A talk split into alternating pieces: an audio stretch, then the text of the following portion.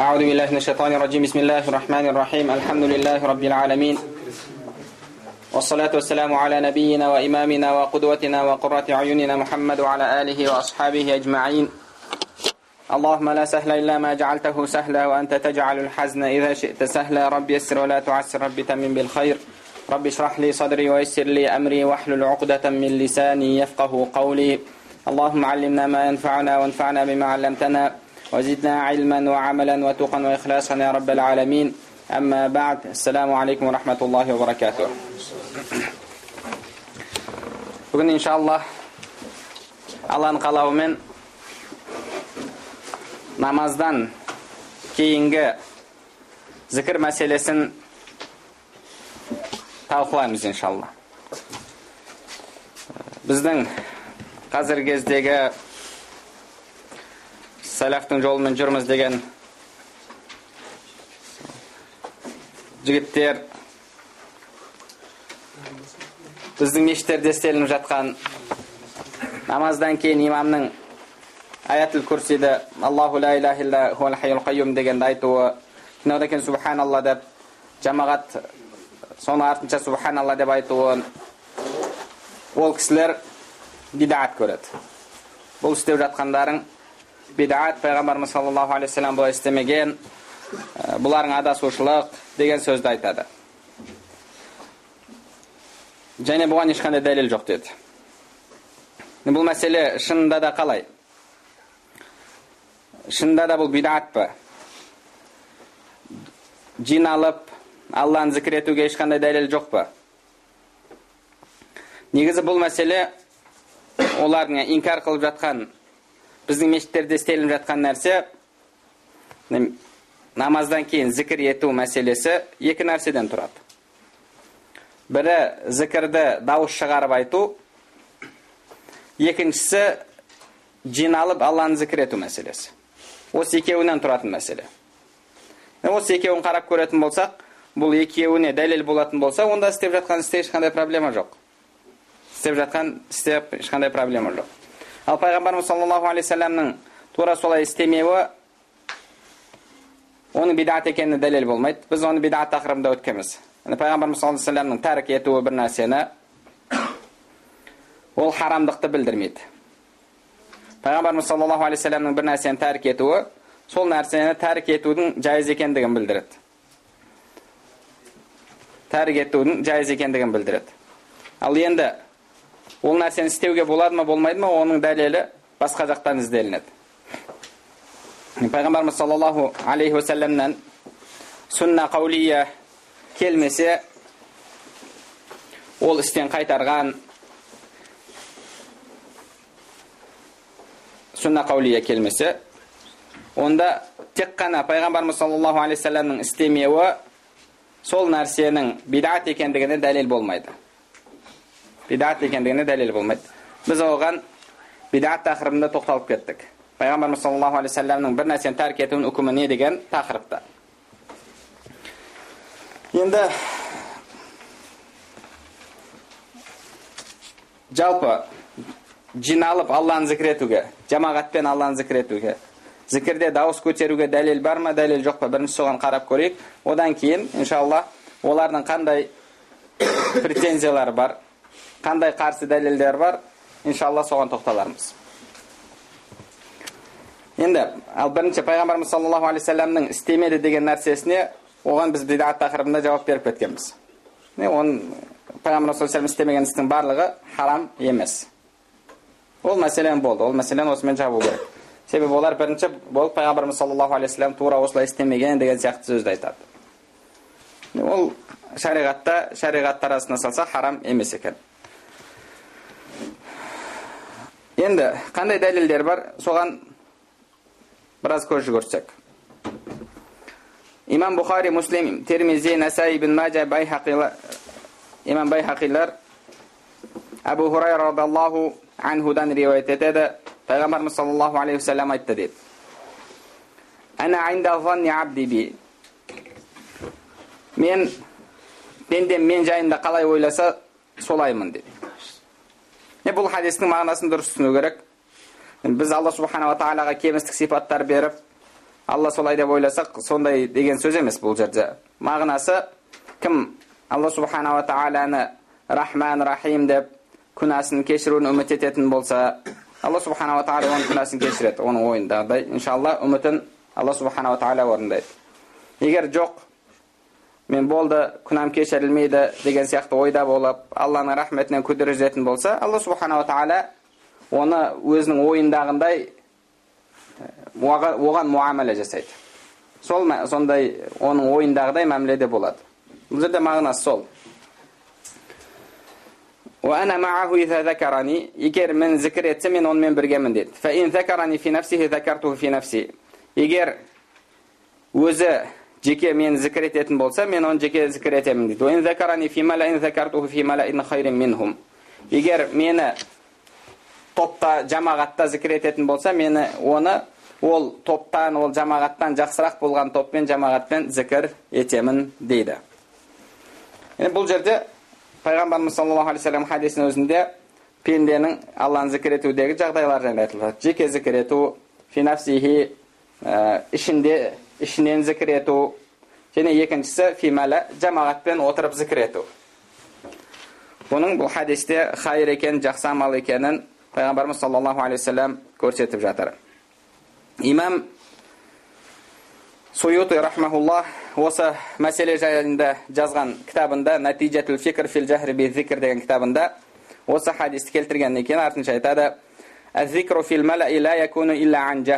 الذكر في الملأ لا يكون إلا عن جهر فدل على فدل الحديث على جوازه жамағатта зікір ету тек қана жария болады дейді сол үшін бұл хадис оның жайыз екендігіне дәлел болады дейді екінші хадис имам баззар байхақилер имам баззар және байхақи шуабул иманда имам ибн аби дуния зікір кітабында ибн аббас радиаллаху анхумадан риуаят етеді пайғамбарымыз саллаллаху алейhi айтты дейді قال الله تعالى يا ابن آدم إذا ذكرتني خاليا ذكرتك خاليا وإذا ذكرتني في ملأ ذكرتك في ملأ خير من الذين تذكرني فيهم وأكثر алла субханала тағала айтты дейді ей адам баласы егер мені жеке қалып зікір етсең мен сені жеке зікір етемін егер мені бір жамағатта зікір етсең мен сені сен зікір етіп жатқан бірге зікір етіп жатқан жамағаттан да қайырлы болған жамағатта зікір етемін және одан да көбірек деді яғни сенің зікіріңнен де көбірек зікір етемін деген хадис үшінші хадис имам бұхари муслимдер және имам байхақи асма кітабында әбу хурайра радиаллаху анхудан марфу хадис келтіреді пайғамбар саллаллаху айтты инна лиллахи малаикатин ятуфуна ахла зикр алла субханала тағаланың періштелері бар ятуфун яғни тауап жасап жер бетін кезіп жүреді дейді жолдарды ялтамисуна ахла зикр зікір иелерін іздейді дейді فإذا وجدوا قوما يذكرون الله تنادوا هلموا إلى حاجتكم егер алла субханала тағала зікір етіп жатқан қауымды тапса онда қажеттеріңе келіңдер деп шақырады дейді бір бірін оларды аспанға дейін қанаттарымен қоршап алады дейді қанаттарымен қоршап алады فإذا تفرقوا عرجوا وصعدوا إلى السماء فيسألهم ربهم وهو أعلم بهم من أين جئتم әлгі қауым зікір етіп болып тарқағаннан кейін олар аспанға көтеріледі дейді алла субханала тағала олардан сұрайды дейді алла білушірек мин айна життум қайдан келдіңдер? деп. Фаяқулуна жина мин инди абидин фил арди юсаббихунака ва юкаббирунака юхаллилунак фаяқулу хал олар біз сенің сондай пенделеріңнен келдік олар саған тәсбих айтып жатыр сені пәктеп жатыр сені ұлықтап жатыр. Уаюхаллилунак саған тәхлил айтып жатыр деді. الله سبحانه وتعالى etadi hələ rəavni onlar men kördümü fəyəquluna la fəyəqulu ləv rəavni yox deydi Eger körgen bolganda şe, körgende şe, feyekuluna lev ra'awka kanu ashadda ashadda laka ibadatan wa ashadda laka tamjidan wa akthara laka tasbihan. Eger körgende odan da qatraq qulşuluk eter ede, odan da qatraq seni maqtar ede, odan da köbrek sana tasbih aytar et dedi. Feyekulu fema yes'aluni. Olar menen ne sorap jatır dep soradı.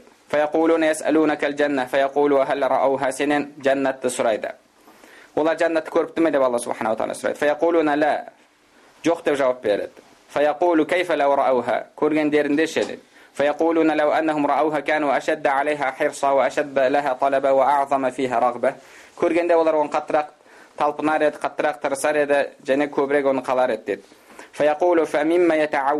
не нәрседен олар пана сұрап жатыр тозақтан олар көріпті ме дейді فيقولون لا жоқ فيقول كيف لو رأوها көргенде ше فيقولون لو رأوها كانوا أشد منها فرارا одан қаттырақ қашар еді деді فيقول أشهدكم أني قد غفرت لهم куә болыңдар мен олардың күнәсін кешірдім деді алла субхана тағала فيقول ملك من الملائكة періштелердің бірі айтады فلان ليس منهم إنما جاءهم لحاجة пәленші деген пәленші адам олардан емес тек қана бір қажеті үшін келді соның ішіндегі бір адамы керек болды ма біреуді іздеп олар сондай қауым олармен бірге отырғандарда бақытсыз болмайды дейді енді бұл хадисте де ашық айтылып тұр қайсы бір қауым жиналып алла субханала тағаланы зікір етсе дейді және бұл хадисті біздің қазіргі әлгі өздерін сәләфпіз деп жүрген сәләф жолында жүрміз деген бауырларымыз сияқты юсаббихунака ва юкаббирунак юхаллилунак яғни алланы зікір ету дегенге зікір ету деген сөзді олар алады да яғни ол отырып білім оқу білім мәжілісі деп тәпсірледі солай тәуил жасайды негізі бұл тәуил орынсыз бұл тәуил орынсыз себебі кейбір хадистерде зікір етсе алланы еске алса деп келсе енді мына жерде кейбір басқа бір хадистерде мынау сияқты олар саған тәсбих айтып жатыр тәкбир айтып жатыр тәхлил айтып жатыр. Яғни белгілі алла субханала тағаланы зікір етудің түрлері. Субханалла ла иляха иллаллах аллаху акбар деген сияқты алла субханала тағаланы мақтау формалары. Зікірдің формалары анық келіп тұр.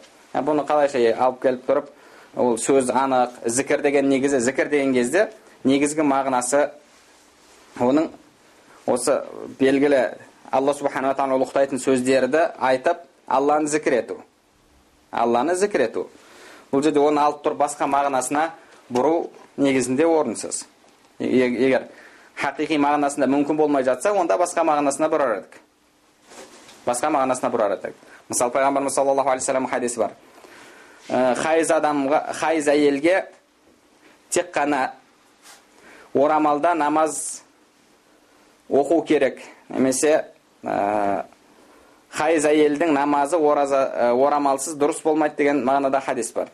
Хайыз әйелдің дегенде яғни ол хайызы келіп тұрған етектері келіп тұрған деген мағынада ма? Жоқ хайызы келген деген яғни хайыз жасына жеткен әйел деген мағынада. Оның тікелей мағынасында оны ала алмайсыз.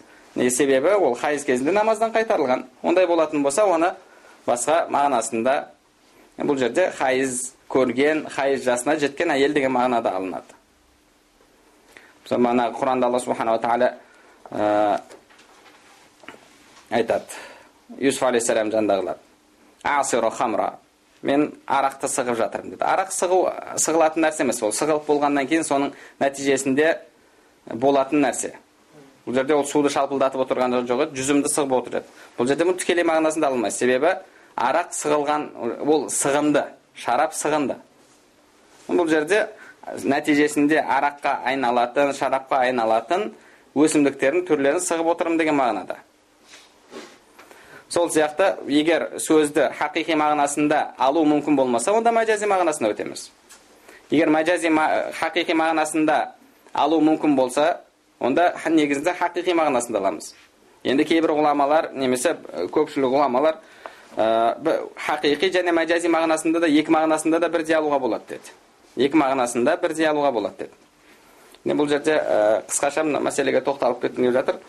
Ә, бізде жалпы пайғамбарымыз саллаллаху алейхи келген хадистің төңірегінде әртүрлі сөз бар бірақ сурат ясин мәйіттеріңе ясин сүресін оқыңдар деген. Ясин сүресін оқыңдар деген хадис бар. Осыны осы біздің осы өлкедегі осы ахилардың ұстаздарының бірі лекциялардың бірінде талқылайды бұл хадис қайтыс болған адамға қайтыс болған адамға құран оқуға дәлел болмайды деді неге десең бұл жерде иқрау аля маутакум деп тұр деді маутакум деген мағынасы өлейін деп жатқан адам деді яғни өлім төсегінде жатқан адам ол адам жанында отырып ясин сүресін оқып отырасың деді бірақ ол өлгеннен кейін оған ясин сүресін оқымайсың деді бұл өліп болған адамға емес өлейін деп жатқан адамға қатысты деді қалайша десең екінші хадисті келтіреді. Мәйіттеріңе ла иляха иллаллахны тәлқин жасаңдар деген. Бұл жерде ол әлбетте ол өліп қалған адамға емес өлейін деп жатқан өлім аузында жатқан адамға жанында отырып алып кәлиманы үйретіп отырасыз. Үйреткенде айт емес жанында отырып ля иляха иллаллах мұхаммад расулалла деп қайталап отырасыз. Осы тәлқин айтады. Енді екеуінде де мәутакум деп келіп тұр ғой деді. Неге енді мынада өлейін деп жатқан деп аламыз да мынаны өліп өліп болған деп адам деп аламыз. Екеуін де бір мағынада алу керек деп айтады. Ә, негізі усул фих ережесіне салатын болсақ усул фих ережесіне салатын болсақ сөзді хақиқи мағынасында алу мүмкін болса хақиқи мағынасында аламыз және мәжази мағынасында аламыз. Егер хақиқи мағынасында алу мүмкін болмаса онда мәжази мағынасында аламыз. Енді өлген адамға қайтыс болған адамға ля иляха иллалла деп айт деп айта алмайсыз. Иляха иллалла деп айт деп айта алмайсыз себебі ол дүниеден өтіп кетті ол жансыз дене болып қалды сол үшін де бұны мәжази мағынасында аласыз ол өлім аузында жатқан адам яғни адам әлі өлмеген адамға өлім аузында жатқан адамға немесе болашақта өлетін адамға да араб тілінде мәжази тұрғыдан мәута ә, немесе мәйит деп айтыла береді пайғамбарымыз саллаллаху алейhi аят түсті олар мәйіт сен мәйітсің олар да мәйіт пайғамбар саллаллаху ол кезде тірі еді. Бұл жерде мәжази мағынада. Яғни болашақта мәйіт боласың деген сөз. Енді өлейін деп жатқан адам деп аламыз. Себебі өлген адамға ля иляха илlalла деп айта алмайсыз. Онда мәжази мағынасына өтіп кетеміз. Бірақ өліп болған адамға артынан дұға жасап ясин сүресін оқуға болады ма? Болады. Бұл себебі біз оған ясинді қайталату емес бұл жерде ля иляха илалладағы сияқты ясинді қайталату емес ал қайтыс болған адамға ясинді оқуға болады ондай болатын болса бұны мәжази мағынасында да яғни өлейін деп жатқан адам жанында отырып та оқуға болады өліп болған өліп қойған адамға да ә, ясин сүресін оқуға болады бұл жерде ешқандай проблема жоқ ал бұны әкеліп тұрып бұл жерде мына жерде мәута келді мына жерде мәута келді онда яғни екеуін де бір мағынада алуымыз керек деген дұрыс емес себебі араб тілінде кез келген сөз бірінші хақиқи мағынасында алынады егер мүмкін болмаса онда мәжази мағынасына өтеміз мәжази мағынасына өтеміз ал мына жерде хадисте анық келіп тұр жер бетіндегі сен сондай пенделеріңнен келдік олар саған субханалла деп зікір айтып жатыр аллаху акбар деп зікір айтып жатыр және ля илалла деп сені ұлықтап жатыр дейді келесі басқа бір хадис имам ибн аби шайба имам ахмад имам муслим имам термизи имам насаилер муауия радиаллаху анхудан риуаят етеді пайғамбарымыз саллаллаху алейхи уассалам خرج على حلقة من أصحابه فقال ما أجلسكم حلقة яғни халақа болып домаланып отырған себебі халақа деген негізі кружок деді кружок яғни үйірме бізде үйірме деп аударып жатыр халақа негізі домалақ болып отыру мысалы неге де жүзікке де ә, солай айтылады халақа деген сөз айтылады пайғамбарымыз саллаллаху сол халақа болып отырған сахабаларына шығып сендерді не отырғызды яғни не себеппен отырсыңдар деді біз алла субханала тағаланы бізді исламға бастаған үшін мақтап ұлықтап алланы зікір етіп отырдық дейді және бізге сол исламды берген үшін уаллахи сендерді осыдан басқа ешнәрсе отырғызған жоқ па деді аллахи біз тек қана осы үшін отырдық басқа мақсатпен емес дейді бұл жерде аллахи деп созған кезде не сұрақ белгісінде аллахи деген сұрақ кезде біріншісі хамзатл истифхам сонымен не болып кетеді екіншісімен келген кезде бірге қосылып мәт пайда аллахи осыдан басқа еш нәрсе бізге себеп емес мен сендерге тухмат жасап немесе бір күмәнда болып ант ішкізіп жатқан жоқпын бірақ маған жибрил келді маған жибрил келіп алла субханала тағала періштелеріне сендерді мақтан тұтып жатқанын хабар берді дейді Ne olar cinalib o'tirib Alloh subhanahu va taolani zikr etib aytganlar, zikr etib aytganlar. Kelesi hadis Abu Ya'la Bazzar Tabaranilar Anas ibn Malik radhiyallohu anhu dan rivoyat etadi. Qala Rasululloh sallallohu عليه وعلى آله وسلم ما من قوم اجتمعوا يذكرون الله لا يريدون بذلك إلا وجهه إلا ناداهم مناد من السماء أن قوموا مغفورا لكم قد بدلت سيئاتكم قد بدلت سيئاتكم حسنات қайсы бір қауым жиналып алла субхана зікір ететін болса бір алланың ризашылығы үшін ә, аспаннан шақырушы шақырады дейді кешірілген халде орындарыңнан тұрыңдар сендердің ә, күнәларың жақсылыққа ауыстырылды деп айтады бұл хадисте де зікір мәселесі келіп тұр келесі хадис имам ахмад термизилер анас ибн малик радиаллаху анхудан риуаят етеді пайғамбар егер жәннаттың бақшаларынан өтетін болсаңдар онда фартау яғни сонда атаа негізгі мағынасы жайылу деді жайылу. Яғни сол бақшаға кіріп соның ә, жемісінен жеңдер содан пайдаланыңдар деген мағынада. Қалу я расулаллах жанна ей расулаллах жәннаттың бақшалары не деген кезде пайғамбарымыз саллаллаху алейхи зикр алла субханала тағаланы зікір ету халақалары деді. Алла субханала тағаланы зікір ету халақалары деп пайғамбарымыз саллаллаху алейхи вассалам айтты имам науауи рахмаулла риаз салихинде осы хадистерді келтірген кезде оған сондай бап қойған фадл алланы зікір етуге жиналудың жақсылығы абзалдығы деген сондай тақырып қояды бап имам байхақи рахмаулла келтіреді алла субханала тағаланы сондай көп зікір етіңдер мұнафиқтер сендерді рия істеушілер деп айтатын дәрежеге дейін дейді яғни сондай алла субханала көп зікір ету бұл жерде келіп тұр міне хадис мұрсал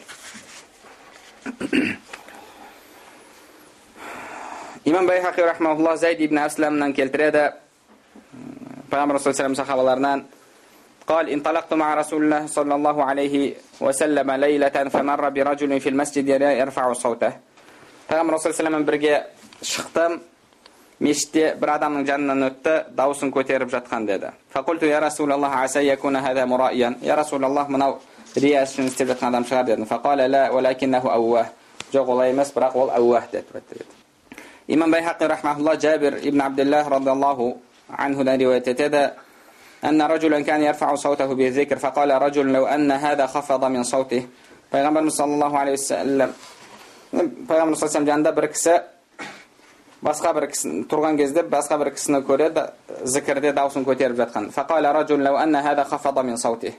мынау дауысын бәсеңдеткен еткенде болар еді деді фақала расулуллах саллаллаху алейхи уассалам қоя салыңдар ол әуах деп айтты деді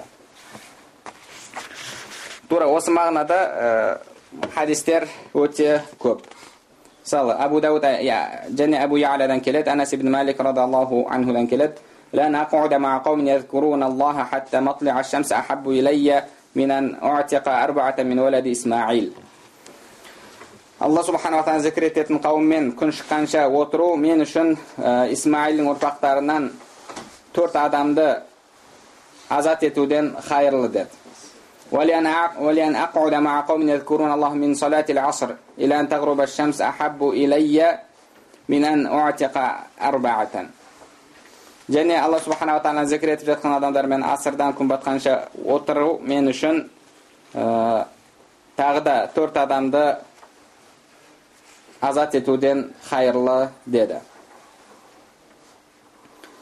келесі хадис имам бұхари муслимдер келтіреді ибн аббас радиаллаху анхумадан ол кісі айтады инна рафа саути бизикр хина янсарифу насу мин аль мактубати кана аля ахди расулиллахи саллаллаху алейхи уассалям намазды бітіріп парз етілген намаздарды мактубаны парз намаз деп аударуға болады яғни парз дегенгізде кезде мысалы бесінің төрт ракат парызы бамдаттың екі ракат парызы асырдың төрт ракат парызы деп айтуға болады мактуба дегенде жалпылама бізге парыз етілген намаздар деп алуға болады намаз етіл, парыз етілген намаз деген кезде яғни бес уақыт намаз кіреді ол жерге бес уақыт намазға салауатул мактубат парыз етілген намаздар деді енді ол парыз етілген кезде оның сүннеті сүннеті бар барлық толық мысалы парыз етілген бесінді толық оқимыз десек онда оның алдындағы сүннеті бар артындағы сүннеті бар яғни барлығын алған кезде ол барлығы жалпы мактубат намаздарға кіріп кете береді сол үшін де пайғамбарымыз саллаллаху келген мына кім мактубат намаздардан кейін аятул курсиді оқыса субханалланы мынанша рет альхамдулилланы мынанша рет отыз үш отыз үш аллаху акбарды отыз төрт рет айтса онымен жәннаттың арасында тек қана өлім болады деген сияқты хадистерді тікелей парыз намазынан кейін деп түсіну шарт емес парыз намазынан кейін деп түсіну шарт емес ханафи мазхабындағы ғұламалар бұны жалпы парыз етілген намаздардан кейін деп алады себебі басқа хадисте қиямет күні адамның амалына қаралады бірінші парыз амалдарына егер толық болмаса оның нәпілдері бар ма қараңдар дейді яғни сүннет амалдары ә, парыз амал толық болмаса сүннетпен толықтырылады деп келеді міне ол толықтырушы намаз болғандықтан да оның арасы бөлінбейді деді оның арасы бөлінбейді деді ол үшін ә, олар жалпы намаз біткеннен кейін алла субханала тағаланы зікір ету деді себебі айша анамыздан келетін хадис бұхарида емес муслимде келетін хадис пайғамбарымыз парыз намаздан кейін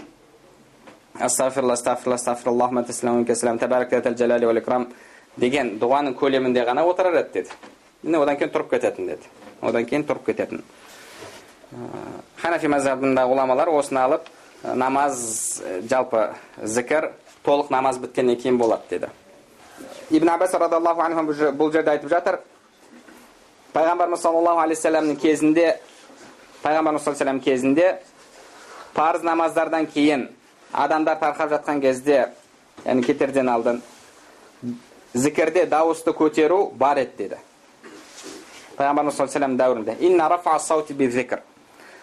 дауысты көтеріп яғни жария зікір ету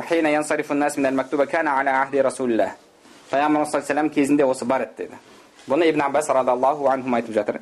Және сол бұхари муслимде келетін басқа ә, риуаятта كنت أعرف انقضاء صلاة رسول الله انقضاء صلاة رسول الله بالتكبير пайғамбарымыз саллаллаху алейхи вассаламның жалпы сол жамағат намазының бітуін такбирмен такбирдің дауысы шығуымен білетін едім деді такбир айтуда дауысы шығуымен білетін едім деді бұл яғни ибн аббас радиаллаху анхума кейде жамағат намазына қатыспай қалып қалады екен сол кезде сыртта тұрып намаздың біткен бітпегенін сол ә, такбирдің такбир, зікір етілгенде дауыс шыққан кезде сонымен біледі екен. Енді бізде де қазір мысалы сыртта тұрсаңыз микрофонмен ішінде имам ла иляха иллаллаху вахдаху ла шарика лах деп жатса немесе ана аллаху ла иляха иллаху хайюл қайюм деп жатса намаздың біткенін сіз білесіз.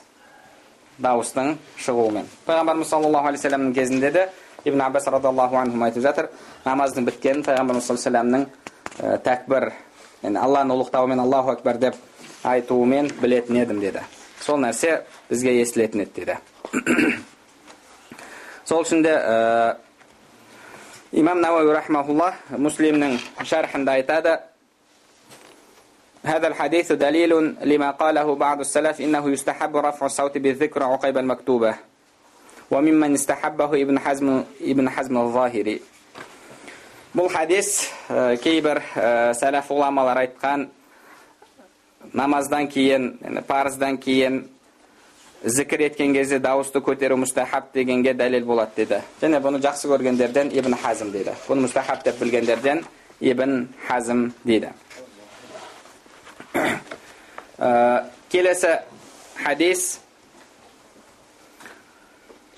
Саид ибн мансур рахмауллах убайд ибн умайрдан келтіреді ол омар радиаллаху анхумадан және әбу убайдтан басқа жолмен келеді имам байхақи рахмаулла келтіреді және имам бұхари муаллақ хадис ретінде келтіреді омар радиаллаху анхудан أنه كان يكبر في قبة بمنى فيسمعه أهل المسجد فيكبرون ويكبر أهل الأسواق حتى ترتج منى تكبيرا عمر رضي الله عنه өзінің шатырында дейік құбба шатырында минада алланы ұлықтап тәкбир айтатын еді деді аллаху акбар деп масжид мешіт иелері оны еститінде фаюкаббирун естігеннен кейін олар да алланы ұлықтап тәкбір айтатын еді деді оны естіп уаюкаббиру әхлул асуақ базардағылар да алланы мақтап тәкбир айтатын хатта тартаджа мина такбиран сондай қатты көп айтылғаннан мина күңіреніп кететін еді немесе дірілдеп кететін еді дейді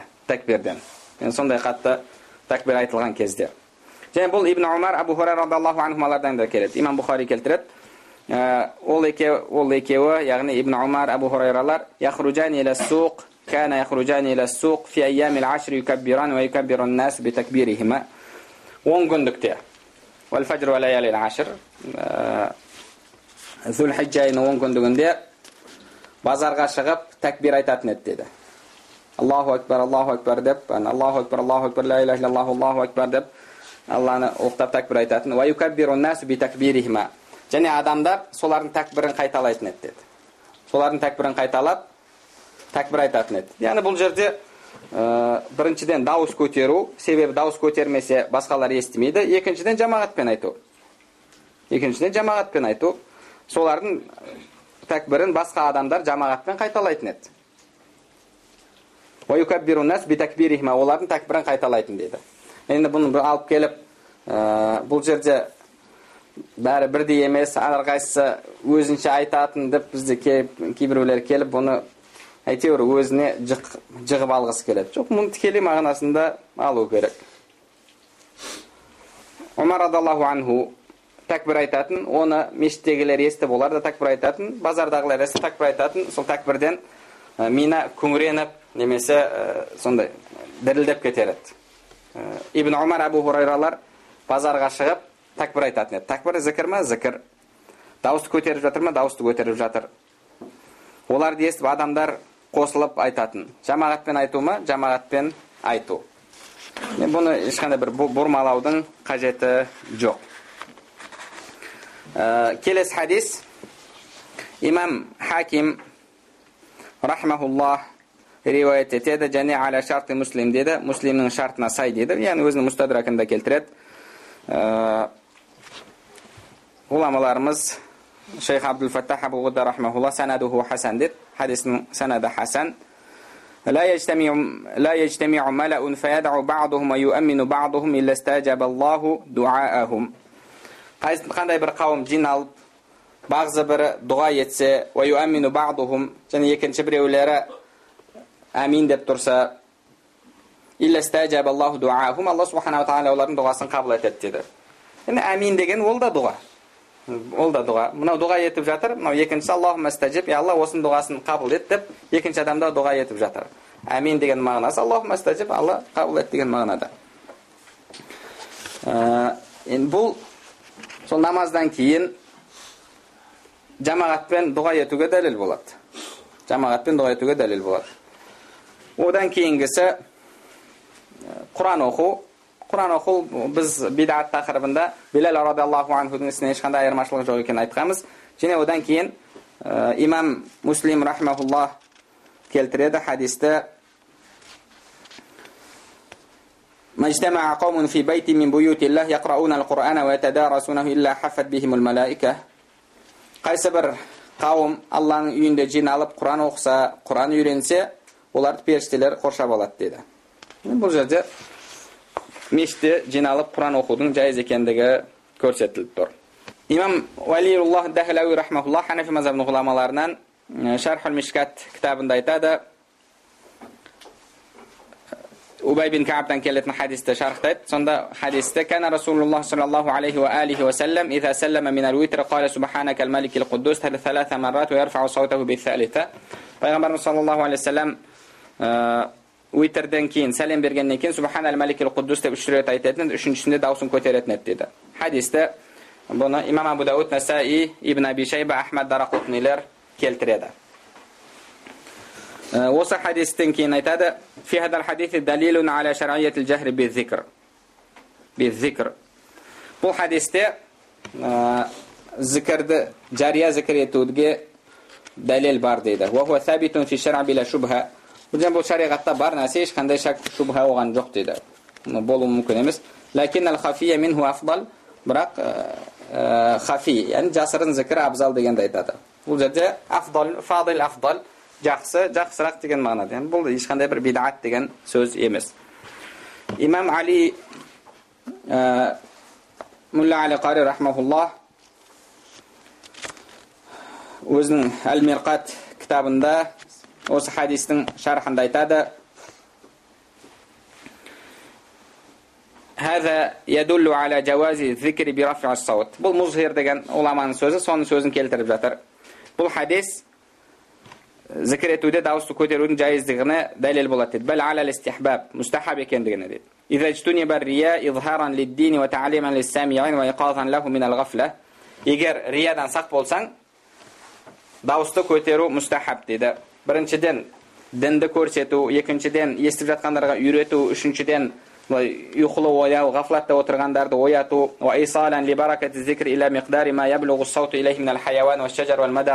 және барлық нәрсе естиді оны басқа нәрселер де естиді мысалы хайуан да естиді жер де естиді және ертең қияметте олар ә, куәлік береді осы осындай жерде маған сені ұлықтады зікір етті деп себебі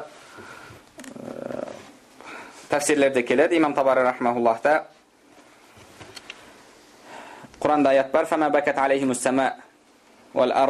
жер аспан оларға жылаған жоқ деді күнәһарлар өлген кезде жазаға ұшыраған кезде жылаған жоқ деген хадисте ибн аббастан келтіреді егер мүмин адам өлетін болса жер аспан жылайды дейді яғни жаман адам өлген кезде олар жыламайды ал енді жақсы адам өлген кезде олар қалайша жыламасын және олар ертең ертең.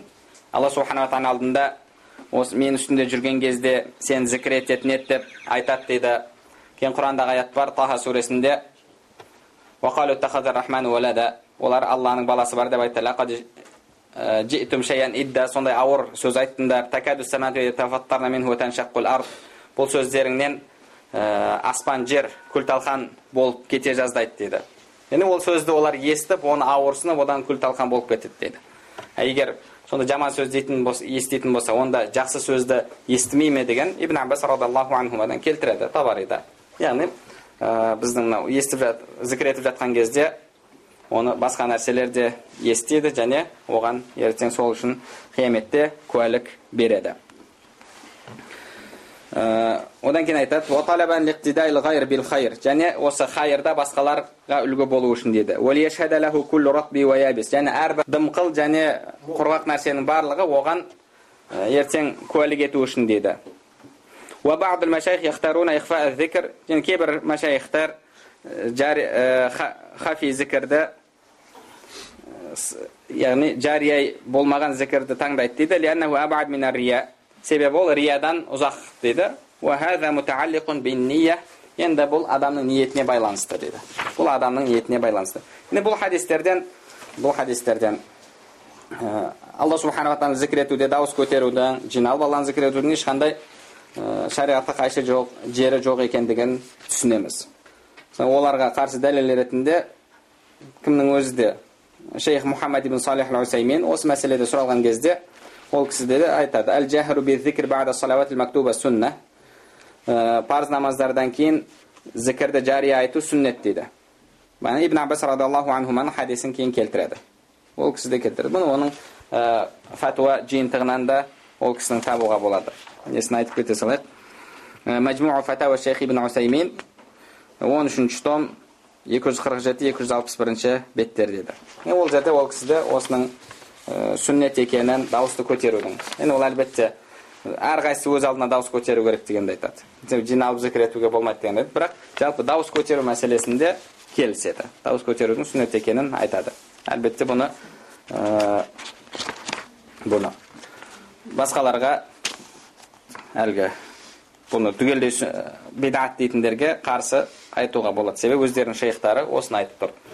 Енді біздің мешіттерде істелініп жатқан нәрсе ол жамағатпен зікір ету ма? Жамағатпен зікір етіп зікір ету деп те айтуға келмейді біздіңкін себебі әрқайсысы ішінде зікір етеді. Бізде жария толығымен жария зікір деп те айтуға келмейді. Енді ол жарияға қарсы шығып жатқандарға да. Себебі бізде имам тек қана аллаху ла иляха иллаху дегенді ғана сырттан айтады ар жағы іштен кетеді. Кейін субханалла деп айтады яғни субханалла деп айту керек деген. Кейін барлық әрқайсысыны өз алдына іштен айтады. Ал ғұламаларымыз мына хадистерді жария зікір ету дауысты ә, жамағатпен зікір етуге дәлел ретінде келтіреді. Рамазандағы тәсбихті және сол сияқты басқа да тәсбих мысалы жамағатпен алланы зікір ету аллахума салли уассалим барик алейх деген сияқты. Саллаллаху аля мұхаммад саллаллаху алейхи уассалам деп келеді. Сол сияқты зікірлерде. Соған осының барлығы дәлел болады. Ал енді біздіңкі енді тікелей бір қарсы шығатындай формада да емес негізі негізі қарағанда. Біздіңкі толық жария зікір дегенге келмейді толық жамағатпен зікір дегенге де келмейді. Себебі әрқайсысы өз алдына зікір етеді. Субханалла дегеннен кейін біреуі тез бітіп қояды біреуі кейінірек бітеді бірақ әрқайсысы өз алдына ішінен зікір етіп жатыр. Енді бұлар ә, бұл жамағатпен зікір етуге болмайды дегенге келтіретін дәлелдері бар. Сол дәлелдеріне қысқаша тоқтап кетсек құрандағы аят واذكر ربك واذكر ربك في نفسك تضرعا وخيفة ودون الجهر من القول بالغدو والآصال бұл жерде зікірді жари айтпау керек екенін дәлелдеді себебі алланы зікір ет өз ішіңде зікір ет деп алла субханала тағала бұйырып жатыр дейді енді бұл жерде ғұламаларымыз бұл аят оған дәлел болмайды дейді. Неге? Себебі бұл жерде оның мұстахабтығы мұстахабтық екендігін білдіріп тұр. Неге? Бұл жерде бұйрық ішіңде зікір ет жалынып деп жатыр. Жалынып жалбарынып сондай тадарруапен ет деп жатыр. Енді тадарру болмаса зікір етпе деген нәрсе жоқ. Енді тадарруатың үкімі қандай болса ішіңнен зікір ет деген аяттың да ә, сөздің де үкімі тура солай болады себебі екеуі барлығы бірге келіп тұр одан кейін екіншісі жария етпе және қатты жасырма деген аятқа қатысты ә, бұл аят біріншіден мәкки аят екіншіден мүшриктер естіп құранды бұл жерде негізі намазда айтылып жатыр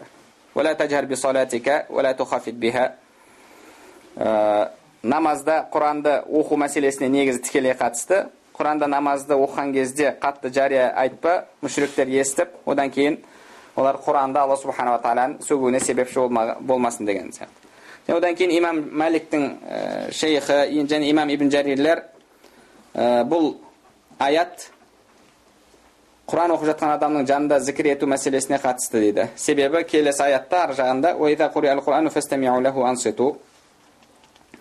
құран оқылса оны тыңдаңдар үндемеңдер естіңдер деген аятпен екеуі байланысты деді сол үшін де құран оқып жатқан адамның жанында отырып оған ә, құранға құрмет ретінде құран оқып жатқан адамға кедергі жасамау үшін қатты дауысты шығаруға болмайды деді және бұл жерде бұл тікелей дауысты яғни іштен айтуға да дәлел болмайды себебі қатты жария етпе деген мағынада себебі қатты жасырып жіберме дейді яғни өзің ішіңнен де емес орта дауыспен айт деген мағынада тағы бір дәлел ретінде келтіретін хадисте дәлелдердің бірі хадис пайғамбарымыз саллаллаху алейхи вассаламның сахабасы әбу ашари радиаллаху анхудан келеді біз пайғамбарымыз саллаллаху бізге сапарда едік деді бір риуаяттарда мединеге жақындаған кезімізде барлығымыз даусымызды көтеріп тәкбір айта бастадық сонда пайғамбарымыз саллаллаху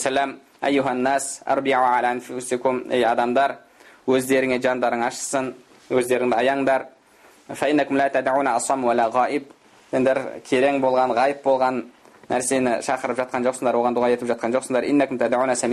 Естуші көруші болған алла субханала тағалаға дұға етіп жатсыңдар сендердің тәкбір айтып дұға етіп жатқандарың сендер мен көліктеріңнің мойнының арасында дейді. Яғни сондай жақындығын бұл жерде айтып жатыр. Бұл бағанағы күре тамырдан да жақынбыз деген мағынадағы сөз. Бұл жерде ешқандай бір мәсафа мекен жайында сөз кетіп жатқан жоқ. Бұл хадисті де ғұламаларымыз бұл қатты айқайлап ә, тәкбір айтуға қатысты дейді себебі пайғамбар саллаллаху деген сөз ишфиқу өздеріңді аяңдар өздеріңе жандарың ашсын деген мағынадағы сөз. Әрбиу деген сөз. Олар сондай қатты өздерін қинайтындай дауыспен ә, аллаға мақтап айтқан еді. Пайғамбарымыз саллаллаху алейхи вассалам сілей ондай қатты айқайламаңдар деді. Және келесі дәлелдері ә, және ең негізгі дәлелдерінен бұл абдулла ибн масуд радиаллаху анхудан келетін хадис. Ол кісі мешітте жиналып алланы зікір етіп жатқан адамдарды көрген кезде сендер үлкен бидат істеп жатсыңдар. Пайғамбарымыз саллаллаху алейхи уассаламның әлі киімі жыртылған жоқ киімі әлі ескірген жоқ ыдысы әлі сынған жоқ. Сендер мына істеп жатқан істерің не я сендер пайғамбардан да артық жолдасыңдар немесе үлкен бір бидат істеп жатсыңдар деген хадисті келтіреді осы хадисті дәлелге келтіреді қазір осы біздің осы ахи бауырларымыздың әрқайсысының аузында осы хадис себебі бізде олардың қолына түскен кезде тәлімдері бірінші үйрететін нәрселері мұсылмандарды не жинайды емес мұсылмандарды не бөледі мұсылмандарды не бөлшектеп тастайды біз немен нәрсемен басқалардан ерекшеленеміз деген нәрсені үйретеді яғни бірінші нұқатыл ихтиляф мысалы нұқатыл иттифақ деген нәрсе бар нұқатыл иттифақ келісілген нәрселер мұсылмандардың арасында келісілген нәрселер келісілмеген нәрседен көбірек бірақ ә, адамға фитна керек болған кезде ол оның бәрін жан бір жаққа сырып қояды да тек қана нұқатыл ихтиляф яғни ихтиляф болған келісе алмаған нәрселерді іздейді.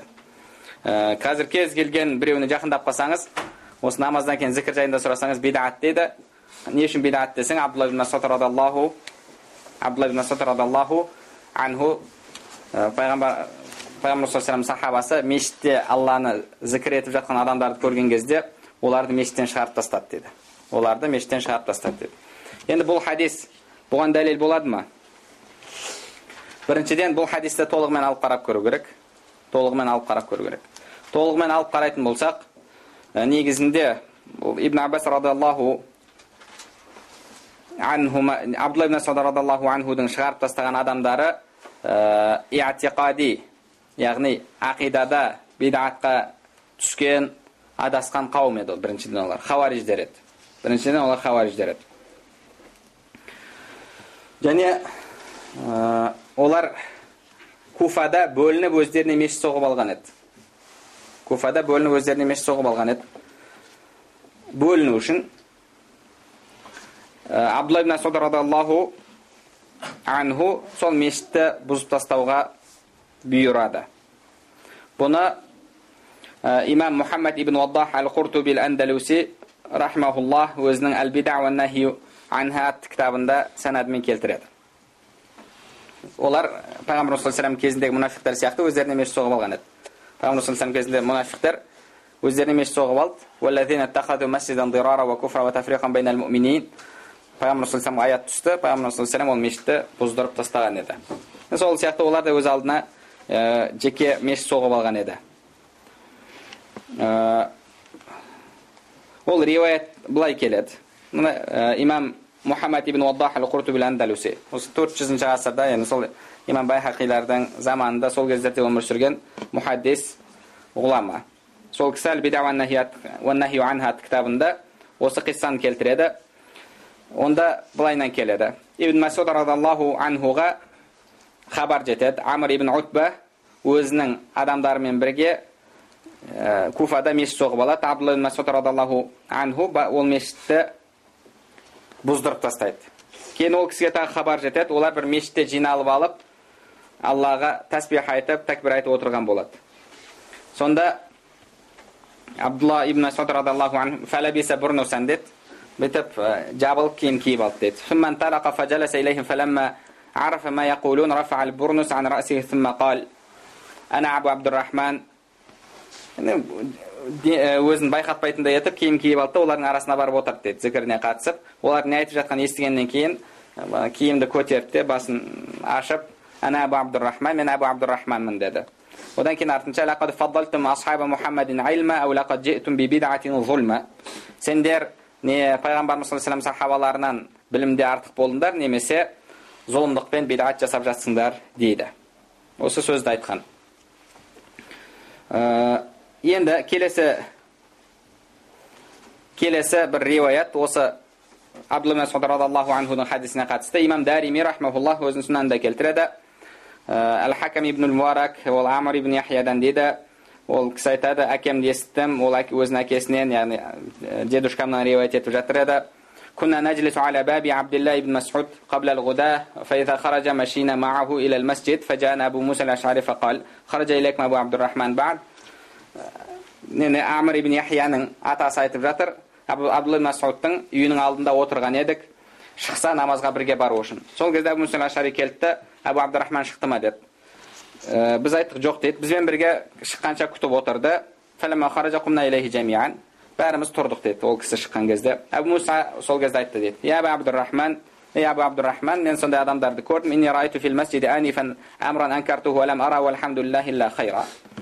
мен мешітте бір істі көрдім оны инкар қылдым дейді ішімнен дұрыс емес қой деп бірақ сырт көңіл сырт көрінісіне қарасам жақсы іс дейді абдулла масуд не болды деп сұрайды қазір тірі болсаң көресің деді сонымен ол кісі айтты раайту фил масжиди қауман хилақан жулусан янтазируна салах фи кулли халқатин ражул мен мешітте адамдарды көрдім халақа халақа болып отырған намазды күтіп отыр олар әрбір топта әрбір топта бір бір адам бар қолдарында тас бар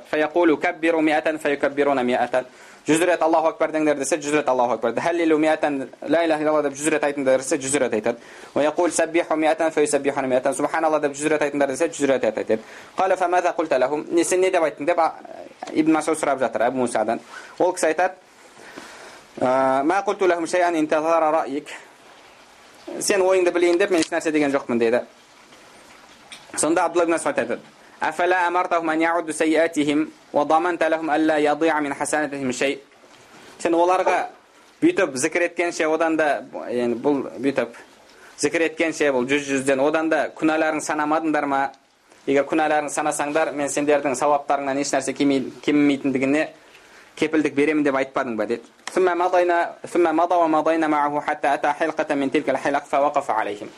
кейін әлгі кружок кружок болып яғни домалақ домалақ болып отырған халқалардың біреуіне келді деді халақалардың жанына келіп тұрып айтты дейді не нәрсе істеп жатсыңдар? Біз осы тастармен санап жатырық дейді өзіміздің тәсбихімізді тәкбирімізді айтпадың ба? деп әбу мұса айтып жатқан сөзін айтады мына жерде. Одан да күнәларың санаңдар дейді ويحكم يا أمة محمد ما أكثر هلكتكم. هؤلاء أصحاب نبيك متوافر وهذه ثيابه لم تبلو وآنيته لم تكسر. على أدس الصنغان جوق كيما يسكر جوق. والذي نفسي بيده إنكم لعلى ملة هي أهدى من ملة محمد أو مفتتح باب الضلالة. والله أتوجتر أبل من الله غيتت يا سندر بدعت سندر. يا محمد محمد أمتنين أرتخ سندر dedi. Әлбетте бұл жерде олар артық емес яғни сендер адасып тұрсыңдар деген мағынада одан кейін айтады олар айтады я абдурахман біз тек қана жақсылықты қаладық қой деді біз де жақ қана жақсылық қаладық қой деді яғни осы риуаятты келтірген кезде біздің бағанағы ахи бауырларымыз ұстаздары біз мешіттегілерден де сұрасаң олар да айтады біздің ниетіміз жақсы ғой деп айтады деді мыналар да сол нәрсені айтқан деп қояды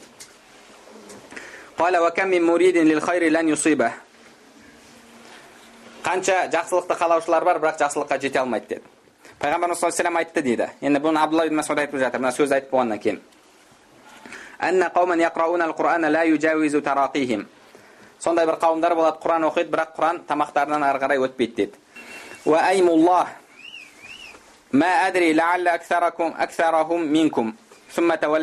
Мен қайдан білейін солардың көпшілігі сендерден шығар деді бұрылып кетті деді фақала абу ибн салама ибн салама айтады жанында тұрған сол бағана халақатта отырған адамдардың көпшілігін көрдік дейді нахрауан соғысында хауариждермен бізге бірге бізге қарсы шығып жатыр еді дейді яғни бұл ә, хадисте бірнеше ишарат бар біріншіден олар мешіттерде бөлініп кеткен еді өздеріне мешіт соғып алды ол мешітті бұзып тастағаннан кейін мешітке келіп біріншіден намаздан алдын намаздан кейін көрсетілген ә, тәсбих емес намаздан алдын әрқайсысы бөлек бөлек отырып әрбір халақада бір кісі ә, мынанша рет айтыңдар мынанша рет айтыңдар деп оларға бұйырып отырды ал бізде мешітте ол нәрсе болып жатқан жоқ бізде мешітте пайғамбарымыз саллаллаху кім отыз үш рет айтса кім отыз үш рет субханалла десе кім отыз үш рет альхамдулилля десе кім отыз төрт аллаху акбар деп айтса деген хадиске амал етіп жатырық біз имам тұрып алып жүз рет айтыңдар екі жүз ретінен айтыңдар деп тұрған жоқ еш жері яғни бұл қисса біріншіден оған ол келмейді. Одан кейін ол жерде әрқайсысы бөлек бөлек болып отырған еді. Үшіншіден абдулла оларға пайғамбар саллаллаху алейhi хауариждерге қатысты айтқан сөзін айтып жатыр. Сендер солардың көбісі сендерден шығар деп бұрылып кетті дейді. Және амр ибн сәләмә біз солардың көбісін нахрауан күні хауариждермен соғыста хауариждер жағында жүргенін көрдік дейді. Және яғни имам мұхаммад ибн уаддах келтірген риуаяттарда әлгілерді құрра деп атаған құрра деп келеді құрра деп сол уақыттарда негізі хауариждерге айтылған еді сондай құранды көп оқығандықтан яғни пайғамбар саллаллаху бізге емес сахабаларға айтып тұр сендер намаздарыңды олардың намазымен салыстырғанда түк көрмей қаласыңдар деді ибадаттарыңды түк көрмей қаласыңдар деді яғни сонда ибадат құлшылықта олар қатты болған уже біреуі қолға түскен кезде қолға түскен кезде мұсылмандардың қолына түскен кезде енді бір халифаның кезінде қатты сондай оларға ашулы болады. Аяғын кесіп тастайды үндемейді. Қолын кесіп тастайды үндемейді. Сонда тілін кесіп тастайын деп жатқан кезде сәл бүйтіп тапырақтап қашады. Қорықтың ба деген кезде жоқ қорыққан жоқпын бірақ алланы зікір ете алмай қаламын ба деп қорқып жатырмын дейді. Қараңыз қолын шауып тастады аяғын шауып тастады оған ол әсер етіп жатқан жоқ. Бірақ тілін кесіп тастамақшы болған кезде сөйтіп қорқып сәл артқа қашып тапырақтайды не қорқып жатсың ба деген кезде жоқ қорқып жатқан жоқпын бірақ алланы зікір ете алмай қаламын ба деп қорқамын дейді яғни сондай ықыластары мықты болған ықыластары мықты болған ә, біраз негізі ғұламалар айтады біздің қазір арамызда жүргендерде де негізі солардың біраз сипаттары келеді солардың сипаттары бұл жерде ә, бұл жерде біздің мешітте етіліп жатқан мынау зікірге бұл ешқандай сай келмейді одан кейін жалпы абдулла ибн масуд радиаллаху анху тәсбих айтқан кезде тәкбир айтқан кезде оны санауды жақсы көрмейтін болған санауды жақсы көрмейтін болған не үшін сен аллаға міндет етіп жатсың ба деген яғни бұны көптеген нелерде келеді ол абдулла ибн масудтың ол нәрсені істегені имам ибн уаддах бірнеше жерінде келтіреді кітап мысалы келеді сондай таспен санап жатқан адамдарды көрген кезде не сендер аллаға өздерің істеп жатқан жақсылықтарыңды санап жатсыңдар ма не дейді бір аллаға өткізіп жатқандай дейді ал бізде негізі мешітте ол ә, мен бір міндет ету үшін ешкім санап жатқан жоқ пайғамбарымыз саллаллаху отыз үш рет деп көрсетіп берді біз сол санды орындау үшін істелініп жатқан нәрсе ана жерде анау жүз рет былай айтыңдар жүз рет былай айтыңдар деп олар соны санайтын. Одан кейін яғни мен жүз рет айттым деген сияқты сондай ойда болады. Ол алла субханала тағаланың алдында яғни істеп жатқан ісі міндетін түсіну сияқты.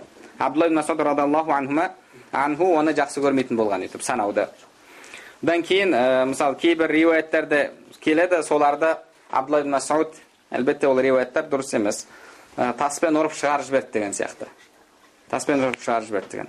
Ол пайғамбарымыз саллаллаху мысалы ә, жұмсақтық не нәрседе болса оны көркем етеді не нәрседен алынса оны жаман етеді дейді. Сондай үлкен сахаба мешітте отырған адамдарды таспен қуып шығуы ол мүмкін емес. Енді бұл абдулла ибн анхудан келген хадис ол біздің мешіттегі ә, намаздан кейінгі алланы зікір етуге қарсы дәлел болмайды. Қарсы дәлел болмайды. Бұл хауариждерге қатысты және ә, бұл жерде зікірдің басқаша түрін істеп жатқандарға. Әлгі кейін ғұламаларымыз тағы бір тәпсірінде бұл жерде оған мысалы жүз рет айт деп міндет етіп жатқан еді. Жүз рет мынаны айт жүз рет мынаны айт деп.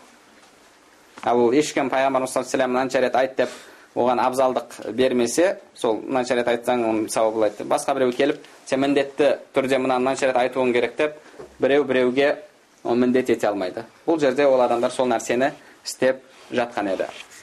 Сол үшін де ә, бұл олардың келтіріп жатқаны біздің мешітте істелініп жатқан нәрсеге қарсы дәлел болмайды. Бұл жалпы жамағатта жамағатпен алланы зікір ету зікірде дауысты көтеру одан кейін мысалы жалпы жамағатпен дұға жасауға қатысты хадистер келген ол сүннетте бар. ол ешқандай бидағат yemiz. Subhanakallahumma bihamdik, nashhadu an la ilaha illa anta, astaghfiruka va natubu ilayk.